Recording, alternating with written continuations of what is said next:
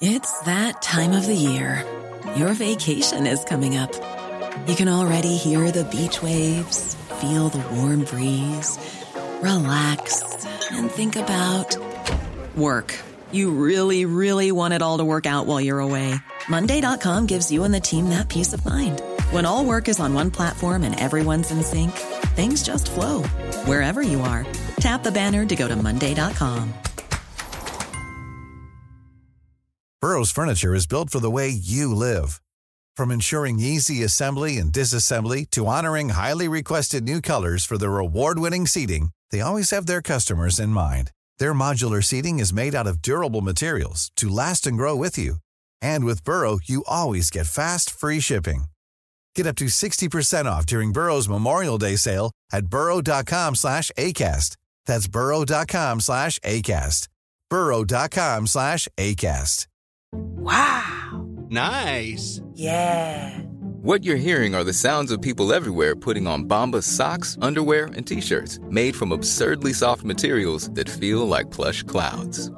Yeah, that plush. And the best part? For every item you purchase, Bombas donates another to someone facing homelessness. Bombas. Big comfort for everyone. Go to bombas.com slash ACAST and use code ACAST for 20% off your first purchase. That's bombas.com slash ACAST. Code ACAST.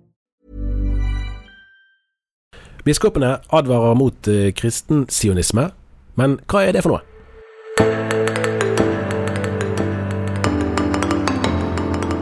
Velkommen til eh, denne ukens episode av eh, Tore og Tarjei. Her på kontoret sitter Tor Hjalmar Sævik, eh, Kenneth Fjell Rasmussen og meg sjøl, Tarjei Gilje. Vi Tor Hjalmar, gratulerer hverandre med episode nummer 100. Det er nesten litt uvirkelig, men eh, samtidig kjekt at vi er kommet dit. Du har en god nyhet til våre mange lyttere.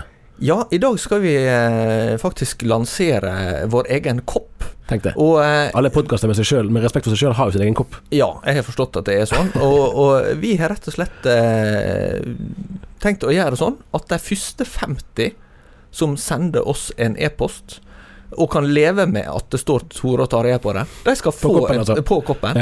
De skal få en sånn, så de kan sende en mail til tore krøllalfa dagen.no. Der må du gjerne skrive en tilbakemelding eller et tips eller eh, en kritikk eller hva som helst. Eh, men men det, det er helt opp til deg sjøl. Men, men eh, vil du ha en kopp, så skal du få den helt gratis. Hvis du er blant de 50 første. Tenk det. Tore1dagen.no. Det var dagens eh, dose med selvskryt. I forrige uke var biskopene i Den norske kirke samlet til bispemøte i eh, Trondheim, eller i Nidaros, som man gjerne sier i eh, folkekirken. De diskuterte flere saker, bl.a. Kvinne, kvinneprestspørsmålet som vi snakket om i forrige uke. Det kom òg en resolusjon, eller en uttalelse, om kristensionisme, og det er det vi skal snakke litt om i dag. Og Da er det jo naturlig for oss å tilkalle vår egen Israel-ekspert Kenneth Rasmussen, som jo Du skulle egentlig vært i Israel nå, Kenneth, men det er du ikke. Ja, jeg skulle vært i Israel i hvert fall til jul. Da hadde jeg vært der i fem og et halvt år. Men i mars så var jeg på ferie to uker i Norge, og kom jeg aldri ned igjen pga. koronasituasjonen.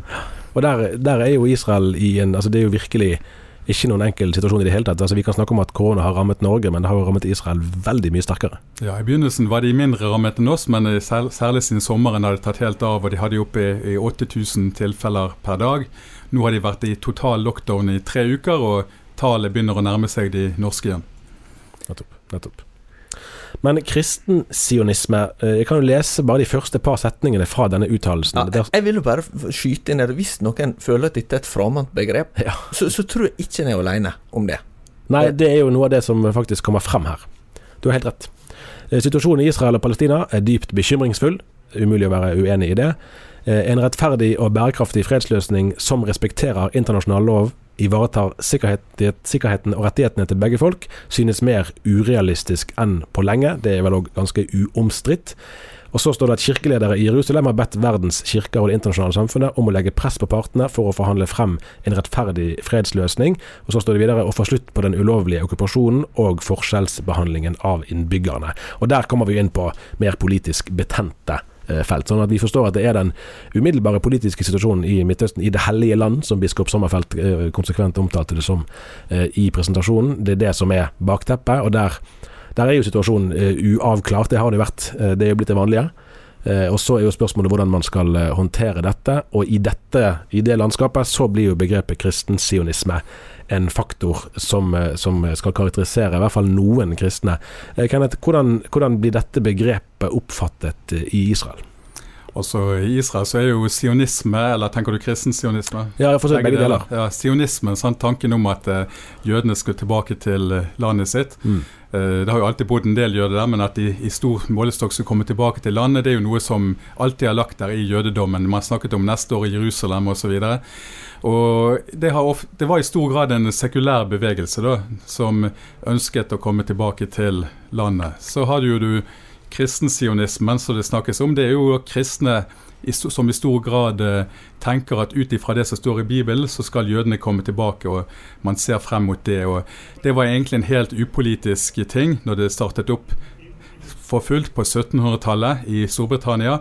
Utover 1800-tallet var det mye i lavkirkeligheten og frikirkeligheten, baptister og andre som, som forkynte om at jødene skulle tilbake. og Da var det jo en upolitisk ting. Man så i Bibelen at det var løfter der som skulle oppfylles, og that's it. Så har jo det politiske kommet i seinere tid.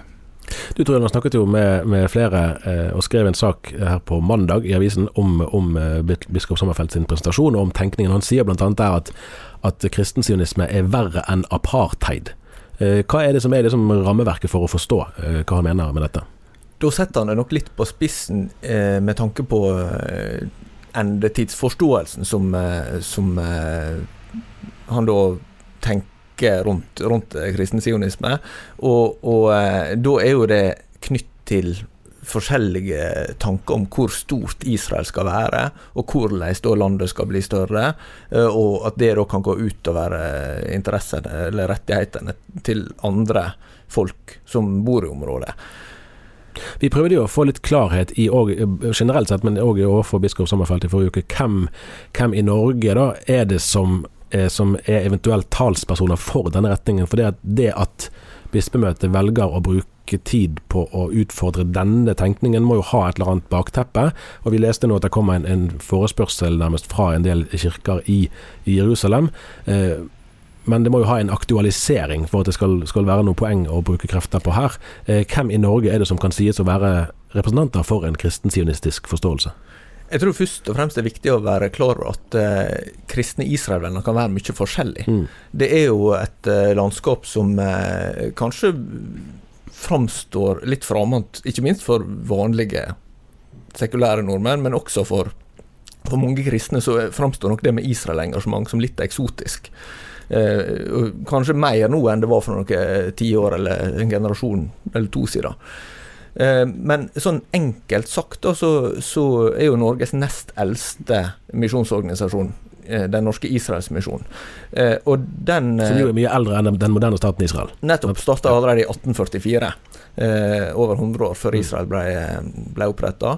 Og eh, det er jo en organisasjon som har jobba for å dele evangeliet med det jødiske folk. Der de har bodd. Nå er naturligvis eh, viktig arbeid i, eh, Israel, men også jobba i Øst-Europa og, og eh, i Norge. Eh, sånn at eh, det er ikke vel egentlig det en vil kalle en kristensionistisk Nei, organisasjon. for de vil vel ikke regnes med egentlig nei, denne Eh, kategorien. nei, for, for de er først og fremst opptatt av misjon og diakoni, altså praktisk hjelp til det jødiske folk, og litt sånn uavhengig av hvor de bor hen. Så kom det utover ja, etterkrigstida flere kristne Israel-organisasjoner som har vært mer opptatt av det en kaller det profetiske, eller en forståelse av eh, historier da, som er, som er knyttet til hvordan en, en leser Bibelen, og hvordan en leser jødene sin rolle inn i den. Og et viktig premiss der er jo at eh, Gud har utvalgt jødene til en spesiell rolle i historien, og så er eh, også den kristne menighet kommet da, som, en, som et resultat av at eh, Jesus kom, og at eh, evangeliet skulle forkynnes over hele, hele verden. Men vil eh, da eh, mange kristne eh, mene at dette betyr ikke at den kristne kirke erstatter Israel, men at Gud fortsatt har planer for, for Israel, for det jødiske folk. Og så skilles nå veiene da, på, på, hvordan dette skal forstås sånn helt konkret. Og Der finnes det jo, som vi har snakka om, eh, av og til ganske sånn detaljerte eh, skjema for hvordan ja. en ser for seg at eh, verdenshistorien skal gå framover. Vi skal ikke komme inn på det sånn, sånn i detalj, men, men en kan jo si at eh, det finnes nok sikre Israel-organisasjoner som kan være verdt å, å, å vite om for, for, de som vil måtte finne ut mer om det sjøl. Og det er jo eh, Internasjonale kristne ambassade, som, en, som det ligger i navnet, internasjonal organisasjon, eh, som har en ambassade i Jerusalem, som de fleste land ikke ville hatt, da, fordi Jerusalem er omstridt, og, og en har ambassade i Tel Aviv. Eh, og så eh, har du eh, Ora Israel, som er også søsterorganisasjon til en dansk organisasjon, som er en, i Norge en felleskristen bevegelse som er opptatt av eh, å og at som jeg sier at menigheter skal få Bibelens syn på Israel, og at jødene skal få Bibelens syn på Messias.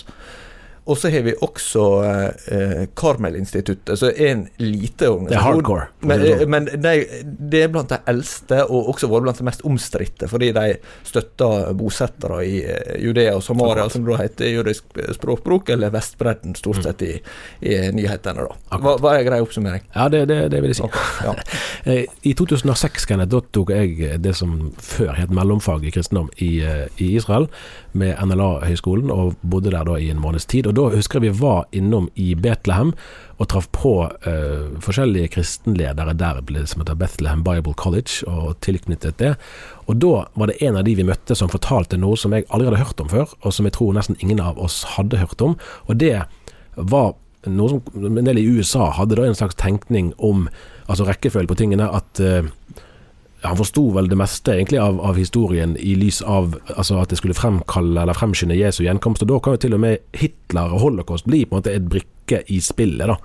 Eh, og Det er vel litt av en sånn en, en variant av det jeg oppfatter at bispemøtet adresserer. altså Der, der den kristne sionismen forholder seg likegyldig til både altså menneskerettigheter og i og for seg til rettferdighet på bakken, altså for politiske løsninger.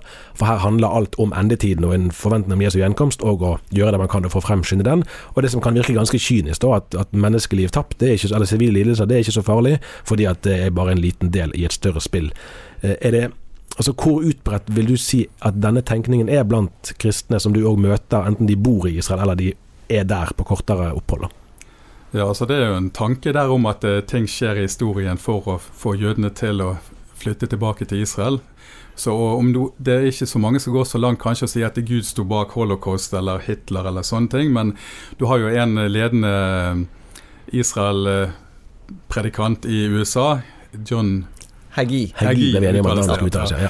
ja. Så han har jo òg ymtet frampå om at kanskje var holocaust en del av Guds plan for å få jøder til å flytte tilbake til Israel. Det er jo de færreste som vil gå så langt som sier det, men tanken om at eh, Gud sender både jegere og fiskere så det Her er bibelsk bildebruk. Her er bibelsk bildebruk.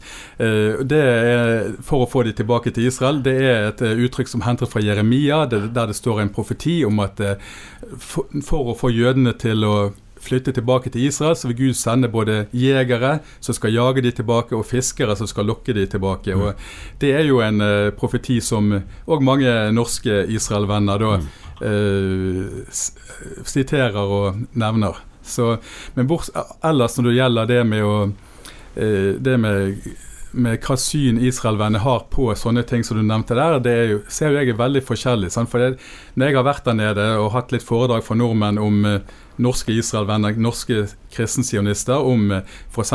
fredsplanen og, og muligheten for å annektere Jordandal og bosetningene som Trump har støttet, så er jo veldig mange veldig pro Trump, for ja. Trump, og gleder seg over at ambassaden er flyttet til Jerusalem, og at Jordandal kan bli israelsk, og områdene rundt bosetningene kan bli israelske med israelsk lov istedenfor militærlov.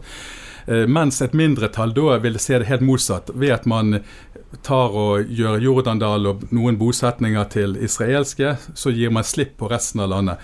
Mm. Ved at Jerusalem, ambassaden til Jerusalem og Trump eh, anerkjenner Jerusalem, deler av Jerusalem, så gir man slipp på andre deler av Jerusalem. Så du har jo der eh, et skille blant kristensionister eh, også der. Og det, det, mitt inntrykk er at eh, kristensionister er ikke en enhetlig ting i hele tatt. Noen tenker som så at disse grensene vi leser om i Bibelen, langs svære områder, mm, mm. de kommer kanskje en gang, men det forhindrer oss ikke i å støtte Israels forsøk på å få fred med palestinerne. Det er ikke sånn at vi oppfordrer israelerne til ikke å søke fred av den grunn. Så ja, så det, det, er et eh, mangfold av, eh, av, tanker som kristne sionister har. Så jeg føler at den uttalelsen til bispene kanskje ikke adresserer riktig, fordi man tegner kanskje bilde av en liten gruppe av mm. kristne sionistene, og så angriper man den, da kan du si. Ja, for hvor, altså Her er det jo henvisning til kirkeledere i Jerusalem, som da har bedt verdens kirker eh, om å utøve press mot partene. Men hvor representative er disse kirkelederne for altså for Jesus-troende, både i, i, Israel og i den palestinske befolkningen, og for så vidt òg i nabolandene. Ja, det her er jo da eh, ledere for de historiske kirkesamfunnene. Mm. Sine toppledere i Jerusalem og Betlehem og i lutherske kirke. Mens du har jo selvfølgelig ingen messianske Jesus-troende jøder mm. inni her, og du har heller ikke frikirkelige eh, arabiske menigheter representert, som kanskje har et litt annet syn. Og så er det jo òg en tendens at jo lenger du kommer fra Jerusalem, desto bedre blir forholdet mellom kristne, araber og jøder. Ja. F.eks. i Galilea er det ustrakt samarbeid.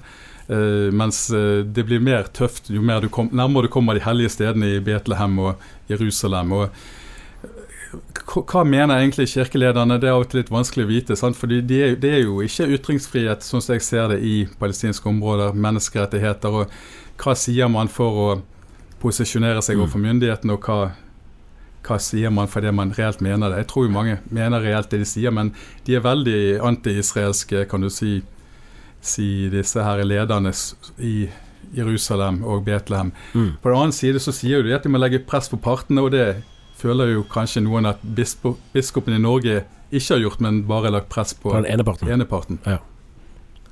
Du tror vi har snakket med Dag Øyvind Juliussen i Internasjonale kristne ambassade i Jerusalem, som vel er av de større uh, aktørene i det norske liksom, Israel-vennskapsfloraen, som kanskje er nærmest å, å, kunne føle seg rammet av, av kritikken. Hvordan, hvordan, tok han uh, det som biskopene sa? Han reagerer jo ikke uventa nokså sterkt på mm. det, og det går vel på at han uh, opplever at de angriper en karikatur. Ja. Eh, at, de, at, de, blir tillagt motiv de ikke er. Nå skal det jo sies at biskopene ikke nevner noen eh, mm. organisasjoner eksplisitt. Eh, Sommerfelt sa i intervjuet med, med, oss at eh, det var særlig pins karismatisk miljø og, og lavkirkelig miljø til dels. Men det var i debattspalten i dagen han fant sånne ja, holdninger, sa han. Som var særlig utsatt for ja, ja. kristen sionisme, som han skrev da. Mm. Eh, og det, det er jo Eller som han sa, mener jeg. Um, og, og, det er jo i de miljøene kanskje at en sånn type eh, forkynnelse med vekt på det profetiske ord eh, har hatt plass. For i, i, Den norske kirke så har jo det vært veldig lite av sånt. Det har jo vært enkelteksempel på, på prester som har vært engasjert i sånne type spørsmål, men, men, det har jo egentlig ikke vært noe sånn eh, noe sånn fram, framherskende. Og, og, sånn sett så vil jo f.eks. Juliussen eh, etterlyse at, at uh, biskopene anerkjenner at at Israel er ytringsfrihet, og at det er det eneste landet i mm. Midtøsten mm. der andelen kristne vokser. f.eks. Nå må det også nevnes at eh, det er jo et, bakteppe her som for mange israelvenner er ganske viktig når det gjelder Eh, det kirkehistoriske, og særlig det offisielle kirke. Og det, det er jo den sterke eh, antijudaistiske eller eh, jødefiendtlige holdninga som har prega mye kristen teologi i, i, mange mange hundre år, mm. og som, som eh, har ført til alt fra tvangsdåp av jøder til utestengelse av jøder fra, fra Danmark, eh, Norge, eller fra, fra Norge, med grunnloven slik den var i 1814. Og og eh, der ligger nok også fort en sånn anklage i retur. Og det vil jo eh, helt sikkert biskopene eh, ikke, ikke mene er rettmessig, for de, de, understreker også det med, med den problematiske arven som kirka har med seg. Men, men de blir fort anklaga for det som blir kalt erstatningsteologi. At en ikke eh, anerkjenner Bibelen sin løfte til Israel, men uten sånn uh, uten videre overføre dem på, på at det, dette gjelder kristne i dag. da. Uh, sånn at det, der vil jo være en sånn kritikk tilbake igjen, som vi også ser mye i våre debattspalter. Bispemøtet finner det uholdbart å bruke Bibelen til å legitimere undertrykkelse eller menneskerettighetsbrudd, eller å tilkjenne ulik grad av menneskeverd til ulike grupper mennesker. Dette siterer jeg fra, fra uttalelsen.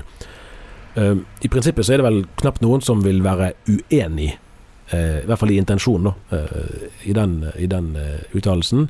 Eh, hvor Jeg lurer på hvor saksvarende det er å anklage En ting er da, som vi har snakket om, der er noen nokså, i hvert fall sett med norske øyne, ganske marginale størrelser, sånn som John Hagee. Um, I hvilken grad er det rimelig å snakke om at kristensionister, at norske Israel-venner, eh, overser menneskerettigheter da, eh, og har et, eh, altså, altså aksepterer eh, overgrep mot den palestinske sivilbefolkningen, eller den arabiske befolkningen rundt òg, for den saks skyld, eh, fordi at man er ensidig opptatt av å ivareta politiske hensyn for Israels del. Så jeg tror jo det at det er mange kristne Israel-venner i Norge er lite opptatt av de spørsmålene, og på sånn sett overser det. Men jeg, jeg tror jo ikke heller noen aktivt støtter nesten Mm. en sånn beskrivelse av at man ønsker å brudd på menneskerettighetene til palestinere og sånn òg. Her er det jo to parter inne i bildet, og det er en intensjon om å få til en tostatsløsning. Faktisk er fremdeles et flertall i Israel som støtter det, f.eks. Mm. Men uh, man har jo ikke lenger tro på at det skal skje. Og så er spørsmålet hvordan eh, opprettholder man en stabilitet i den tiden frem til at noe kan skje. Så eh, en del eh, mest eh, kan du si, radikale Israel-venner ønsker jo kanskje å fjerne til og med noen av palestinerne fra området, men det er ikke der det store flertallet ligger. Det store flertallet eh, tenker kanskje som så at eh, ja, Guds løfter er der, men at de ønsker òg fred for Israel, og at det blir en løsning også for palestinerne. Og, det er ikke, og mange Israel-venner kjenner òg som er sterkt engasjert for eh, palestinere, kan du si, kristne palestinere, Mm. som de har kontakt med. Så det er et veldig variert bilde. Nå er det kanskje litt sånn eh, gjensidighet her, da, at, at eh, Israel-venner enkelt sagt vil eh, kritisere biskopene for at de har noen gyldige poenger i uttalelsen, men at de har tatt for lett på å prøve å forstå Israels situasjon, mens biskopene på sin side vil anklage Israel-vennene for å ha noen gyldige poenger, men at de har for lett på palestinernes situasjon. Og så har egentlig begge Mm. gyldige motiver, da. Er det det bildet vi Ja, Egentlig ser? motiver. Ja. Så. Så, men eh, ellers, så du ser den uttalelsen der, så kan man kanskje savne liksom det, at det er noe teologisk der i hele tatt. Mm. Hva, syns, hva mener de om løftene f.eks. Mm. til Israel? Er det noe som de har noe mening om? Og når det gjelder liksom Israels eksistens, eh, de, kan de si noe om det? I- Opp i en- den situasjonen de er der nede, og der de kjemper for sin eksistens, er det noe de òg kan punktere at eh, Israel har rett til å være der? Hva syns de om sionismen generelt? Er det når de snakker om mot kristen sionisme, er det én type kristen Mm. sionisme, eller er det generelt sionismen de har problemer med at eh, det skal være et jødisk nærvær i Israel? Det er jo tror jeg også viktig å være klar over at for en del kristne så er det med Israels tilbakekomst eh, noe som en opplever som en veldig sterk bekreftelse på Bibelens troverdighet. Altså at det, det er et mirakel at det kunne skje når Ja. jødene var spredt. eh, Nettopp. nettopp. La, la oss ta, henge oss litt på den knaggen der. Fordi at, fordi at det er jo viktig, som du har vært innom det, Kenneth, at når, når den moderne staten Israel ble opprettet, og, og i årene før det, som som du sa, at sionismen var egentlig ikke en religiøs retning, det var ganske sekulære jøder som var premissleverandører, og de religiøse syntes dette var vanskelig, fordi at det var jo Gud som skulle opprette, Ja, det var ikke det- Det var, var seint på altså, Det er jo han eh, Theodor Herzl Ja, som er kjent for uh, Der Jodenstadt Mm. som Ja. kom i 1897 eller noe sånt. Eh, Ja, en bok om Cirka da, ja. Ja. ja. Ja.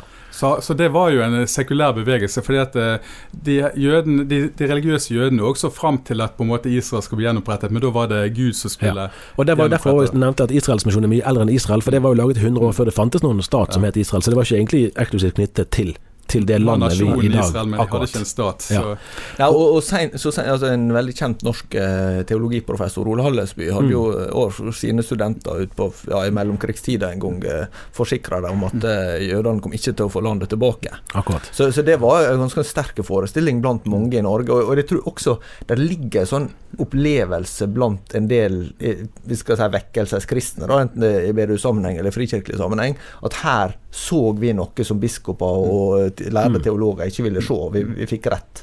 Og det der er vel egentlig et viktig punkt. At her har den teologiske forståelsen òg hos altså de som har kalt seg Israelvenner før og nå, endret seg i lys av realitetene på bakken, da, for å si det sånn. Altså at man har, man har eh, og, og som du sier, Tor Hjalmar, at det blir en, en form for bekreftelse. Eh, og der er det jo et perspektiv som i og for seg, eh, som f.eks. John Hagee belyser på en, en måte som nok veldig få vil kjenne seg igjen i, men mer grunnleggende at, at man forstår eh, den historiske utviklingen i lys av endetiden, altså i lys av Jesu gjenkomst, det Altså Vår foreldregenerasjon, eh, ikke minst i lavkirkelig miljø, kunne jo ha ganske lange utleggelser om dette, men jeg oppfatter at fra, fra et eller annet sted, fra folk som er som, ja, ikke 50 år eller noe, og yngre, så er vel dette perspektivet nesten helt parkert. Sånn at det, du kan snakke et annet språk, nesten, eller det blir som at du gjør det, når du, når du forstår historien i lys av, av et sånt perspektiv. Ja, jeg tror det er flere mulige forklaringer til det. Det ene er nok at, at eh, velstands- og velferdsutviklinga har gjort at eh, vi, eh, vi kanskje er mer sånn komfortable i, i livet, at en del av det, det er jo tider som er mindre prega av vekkelse, og, og dermed måtte det med betoning av Jesu gjenkomst kanskje også er, er mindre framme. At det, det noe gjengs, at, at det blir mindre snakka om. Men så kan det også henge litt sammen med at en, en del sånn forkynnelse er blitt, eh, blitt spekulativ. Da. Og at det er kommet en slags motreaksjon mot folk som har gått for langt i det å konkretisere hva som skal skje når, og hvordan en fortolker samtidige Altså En en leser på en måte eh, eh, Bibelen og, og aviser samtidig og prøver å finne oppfyllelse av, av profetier nesten fra, fra dag til dag eller år til år. og Sånne ting kan jo kan jo være oppbyggelig, men det kan jo også, hvis det viser seg å ikke helt stemme, eh, gjøre noe med, med frimodigheten til, til å snakke om det. Jeg er jo akkurat 50 år, så jeg er akkurat i det skillet der. Så, så jeg eh, opplevde jo veldig mye på 80-tallet. 80, Slutten av 80-tallet, begynnelsen av 90-tallet var jo det ekstremt mye forkynnelse om endetid og Jesu gjenkomst og dyret. og, og tusenårsriket og Mm. trengselstiden og alt sånt. Alt, nesten alt dette er jo ukjent i dag. Alt dette er ukjent i dag. Jeg tror jo kanskje at det var så massivt på den tiden, og så skjedde ikke det så raskt som man trodde. Mm. Eller det skjedde ikke nøyaktig det man sa, og det ble veldig mange spekulative ting, og det ble sagt årstall, og det ble sagt Jeg husker jeg var på en gudstjeneste der det var en predikant som sa at det, det er ikke sikkert at Jesus kommer hjem før år 2000, og da tenkte jeg, lo litt mitt indre. Hva, hva, planet er han på, liksom? Når jeg ikke ser hva som skjer i tiden i- opp mot det som skjer i Bibelen. Men, så jeg tror det var ganske massivt på den tiden som gjør at mange nå har blitt veldig forsiktige med å forkynne. og i hvert fall eh, til og med folk som står for det, det gamle synet, de, liksom, de er litt redd for å aktualisere i hvert fall da, forkynnelsen. Eh, Hvordan kan det, når, du, når du leser israelske aviser og, og møter folk eh, der, um, for de som, som identifiserer seg som jøder, om de nå er sekulære eller troende jøder, um, hvordan oppfatter de det å på en måte være en brikke da, i, ikke et spill akkurat, men i en sånn historiefortelling fra en religion som de ikke identifiserer seg med? Altså for I en kristen verdensforståelse så blir jo de sånn en del av noe, men det handler om, dette handler om deres hverdagsliv, og om palestinske menneskers hverdagsliv. Hva slags skal jeg bo, hva slags jobb skal jeg ha, hva slags grenser jeg, Altså alt mulig.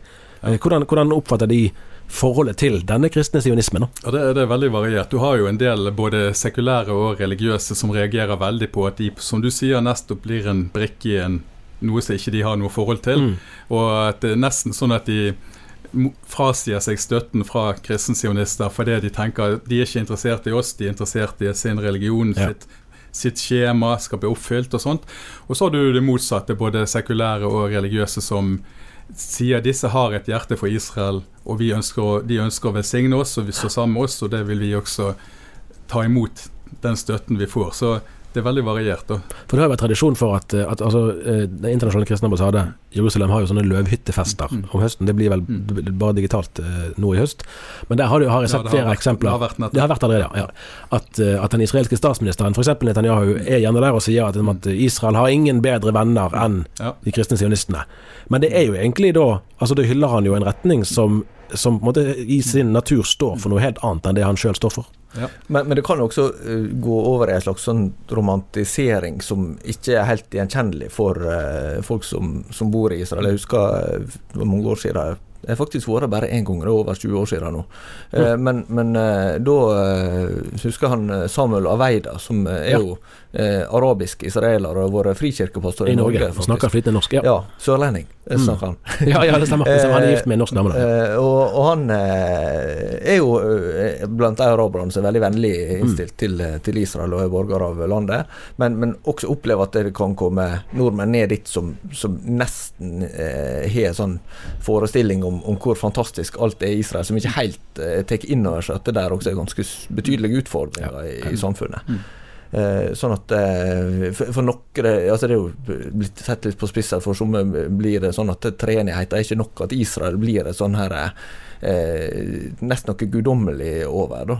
Men, men eh, dermed så kan en stå i fare for å karikere eh, og, og gjøre unntak til regel eh, når, en, når en snakker om dette. For, for det er jo det er jo eh, ja, miljø med mange ressurspersoner som ikke Ja, det erfaring blir og jo, kunnskap det blir jo sk- sagt i nyere historisk forskning også at, at kanskje at Israels største trusler egentlig ikke er forholdet til, til eh, palestinske naboer, men at det israelske samfunnet har noen så store indre spenninger mellom de veldig religiøse grupper og veldig sekulære grupper, at det i seg selv er en ganske seriøs trussel mot eh, statens stabilitet og eksistens. Da. Men det er òg det som har imponert meg mest, eller og sett liksom hvordan samfunnet tross alt fungerer. Når du ser de ekstreme forskjellene både innenfor araberne, innenfor jødene, innenfor religiøse, ikke-religiøse, ulike retninger, ulike kulturer.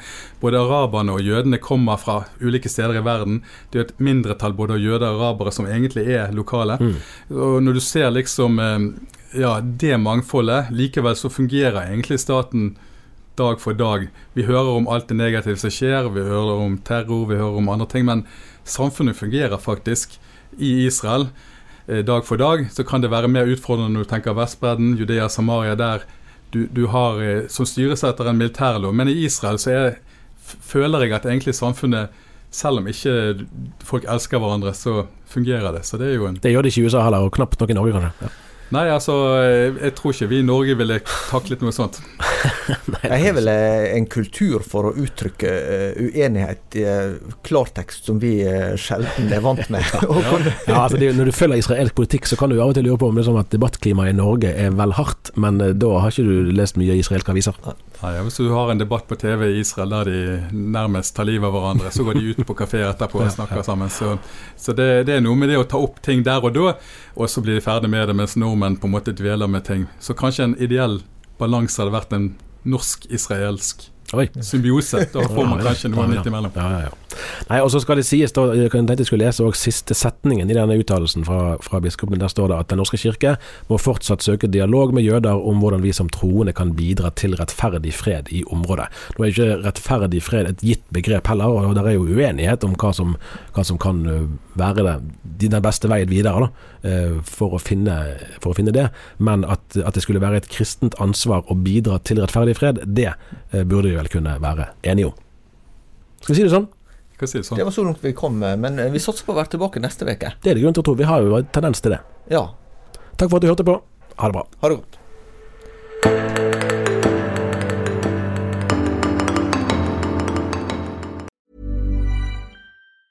Normally, being a little extra can be a bit much, but when it comes to healthcare, it pays to be extra.